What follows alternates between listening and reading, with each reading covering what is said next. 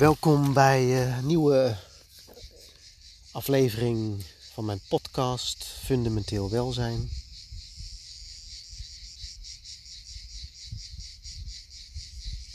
Ja, het fundamenteel welzijn is, uh, is niet meer dan een beschrijving, ook niet minder, uh, van wat ik zie bij mezelf en bij anderen.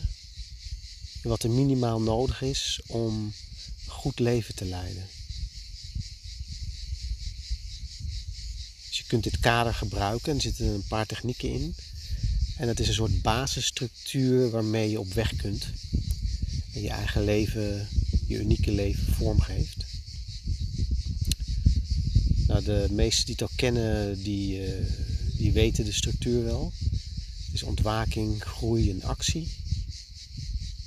Ontwaking is jezelf realiseren als bewustzijn of het goddelijke of het absolute. Op de een of andere manier is het mogelijk om je via het lichaam denken voelen te realiseren als iets voorbij het lichaam denken en voelen. Dit kun je realiseren in een wakkere staat de wakende staat, dus als je wakker bent. En alleen in dit moment. Dus het erover nadenken kan een richting aanwijzer zijn, maar uiteindelijk uh, dient het zichzelf te realiseren in dit moment. En dan ben je iets wat voorbij lichaam denken voelen en dus persoon en ego gaat. Het is de grond van alles.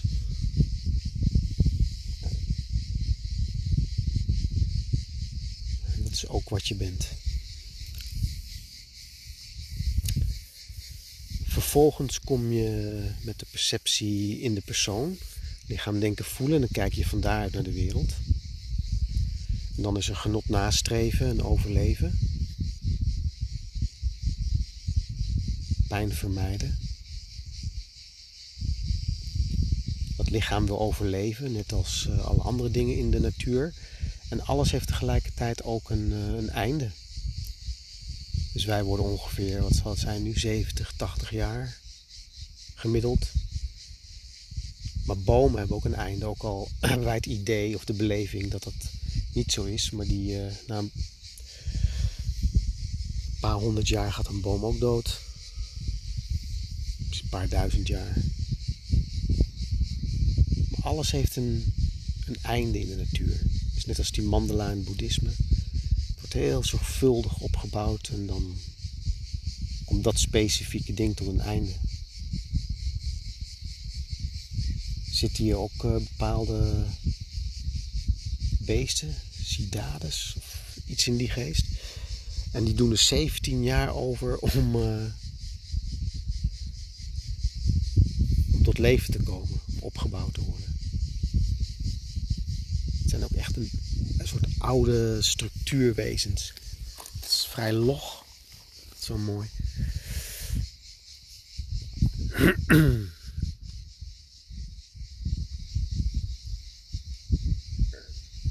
Ja, dus vanuit die perceptie van de persoon, lichaam, denken, voelen is er eerst overleven. Door middel van genot nastreven, pijn vermijden. En dan heb je nog twee aspecten. Die heb ik met name beschreven en, en in technieken omgezet. En dat is zingeving. Dus elk mens zoekt bewust of onbewust naar zingeving. En dat is ook een primaire impuls van de mens om te overleven. Om door zingeving na te streven, dat is verantwoordelijkheid nemen voor iets wat jij belangrijk vindt in het leven helpt het jou en de mensheid te overleven. Dus het is ook een hele primaire ja, community impuls. dat wat jij belangrijk vindt ontstaat ook in deze samenleving. Een belangrijk aspect daarbij is dat uh, je neemt dus de volle verantwoordelijkheid voor dat wat jij belangrijk vindt. En je laat de hechting aan het resultaat los. Dus je doet wat je kan en dan laat je het los. Dat werkt. Dat is ook een soort karma yoga uit Advaita. Om je steeds te realiseren dat wat jij bent is, is eigenlijk een nietig iets. Het is aan de ene kant heel belangrijk en aan de andere kant is het niets. En het tweede ding is langdurige, zorgzame relaties. Dus wat ik bij mezelf en anderen zie, is dat iedereen behoefte heeft aan langdurige, zorgzame relaties.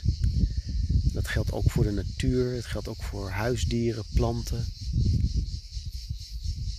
Ik heb het nu even over mensen. En het niet hebben of het afwezig zijn met langdurige zorgzame relaties geeft ook een vorm van lijden, intens lijden.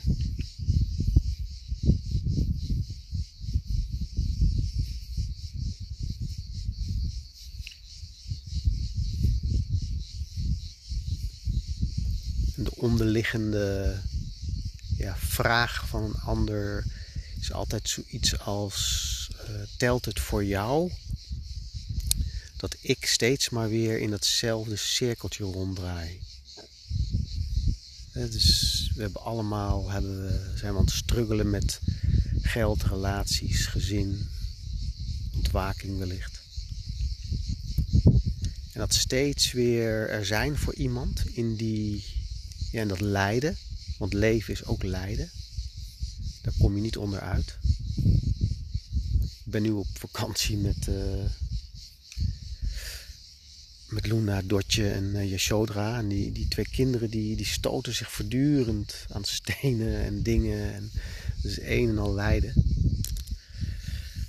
Of een en al lijden, dat is ook weer overdreven. Maar uh, dat lichaam, dat, ja, dat krijgt nu eenmaal pijn. En de geest ook.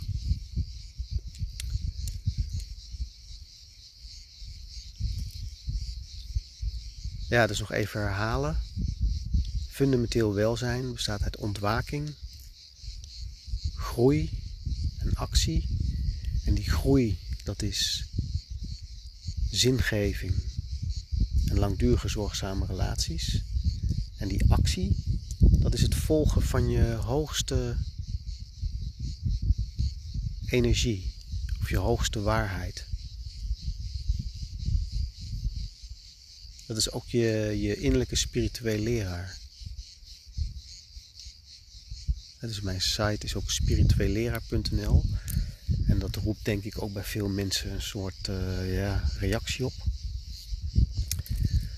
Kun jij spiritueel leraar zijn? Of, uh, nou ja, goed, er zijn allerlei projecties op. Maar waar het om gaat is dat jij jouw innerlijke leraar volgt. Dus je spreekt over het guru-principe. Dat is dat wat zichzelf kent, dat wat weet waar het heen gaat. En dat zit in ieder mens, in ieder wezen besloten. En de kunst is om dat te vinden en te volgen. En dat heb ik vertaald in volg je hoogste energie en hoogste waarheid. En energie, dat is, uh, ja, wat is dat? Een soort substantie. Je kunt het voelen, ervaren. Met name voelen. Buik, hart. En daar is een impuls, volgende stap in jouw leven. Komt via het lichaam. En jouw lichaam is in direct contact met de omgeving. Het universum. Dat is één geheel. Jij bent niet afgescheiden van het geheel.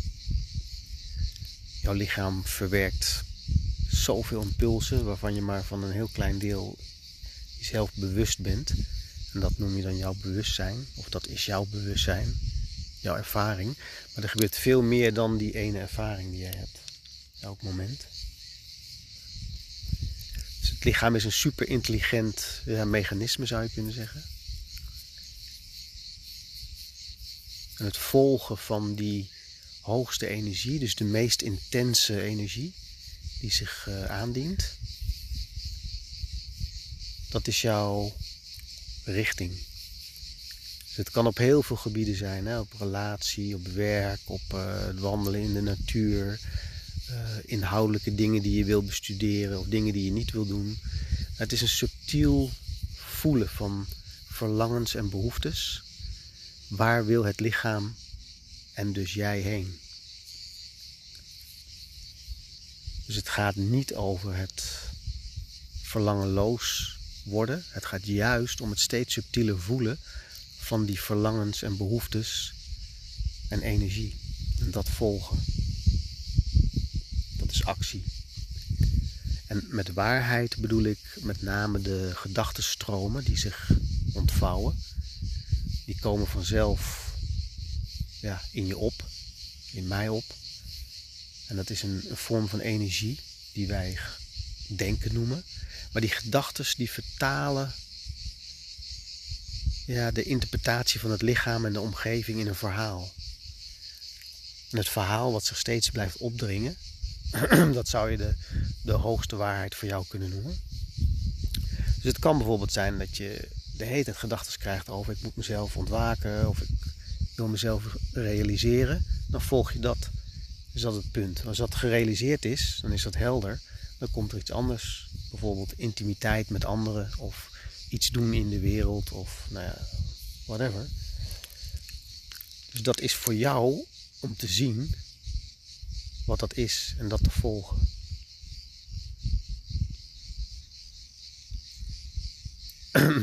en mensen die dat niet kunnen vinden, of die heel erg in hun hoofd zitten, in een gesloten denkcirkel meestal, raken ook gefrustreerd omdat er niet een gevoel is van flow, van zingeving. Nou, dat is ook iets wat ik in fundamenteel welzijn uitleg en beoefen. Het is oefenen, het is doen. Dus vooral heel veel doen en samen zijn, samen onderzoeken. En het is niet dat ik alles weet. Het is ik stap met jullie in een proces. Dan zien we wel waar we heen gaan.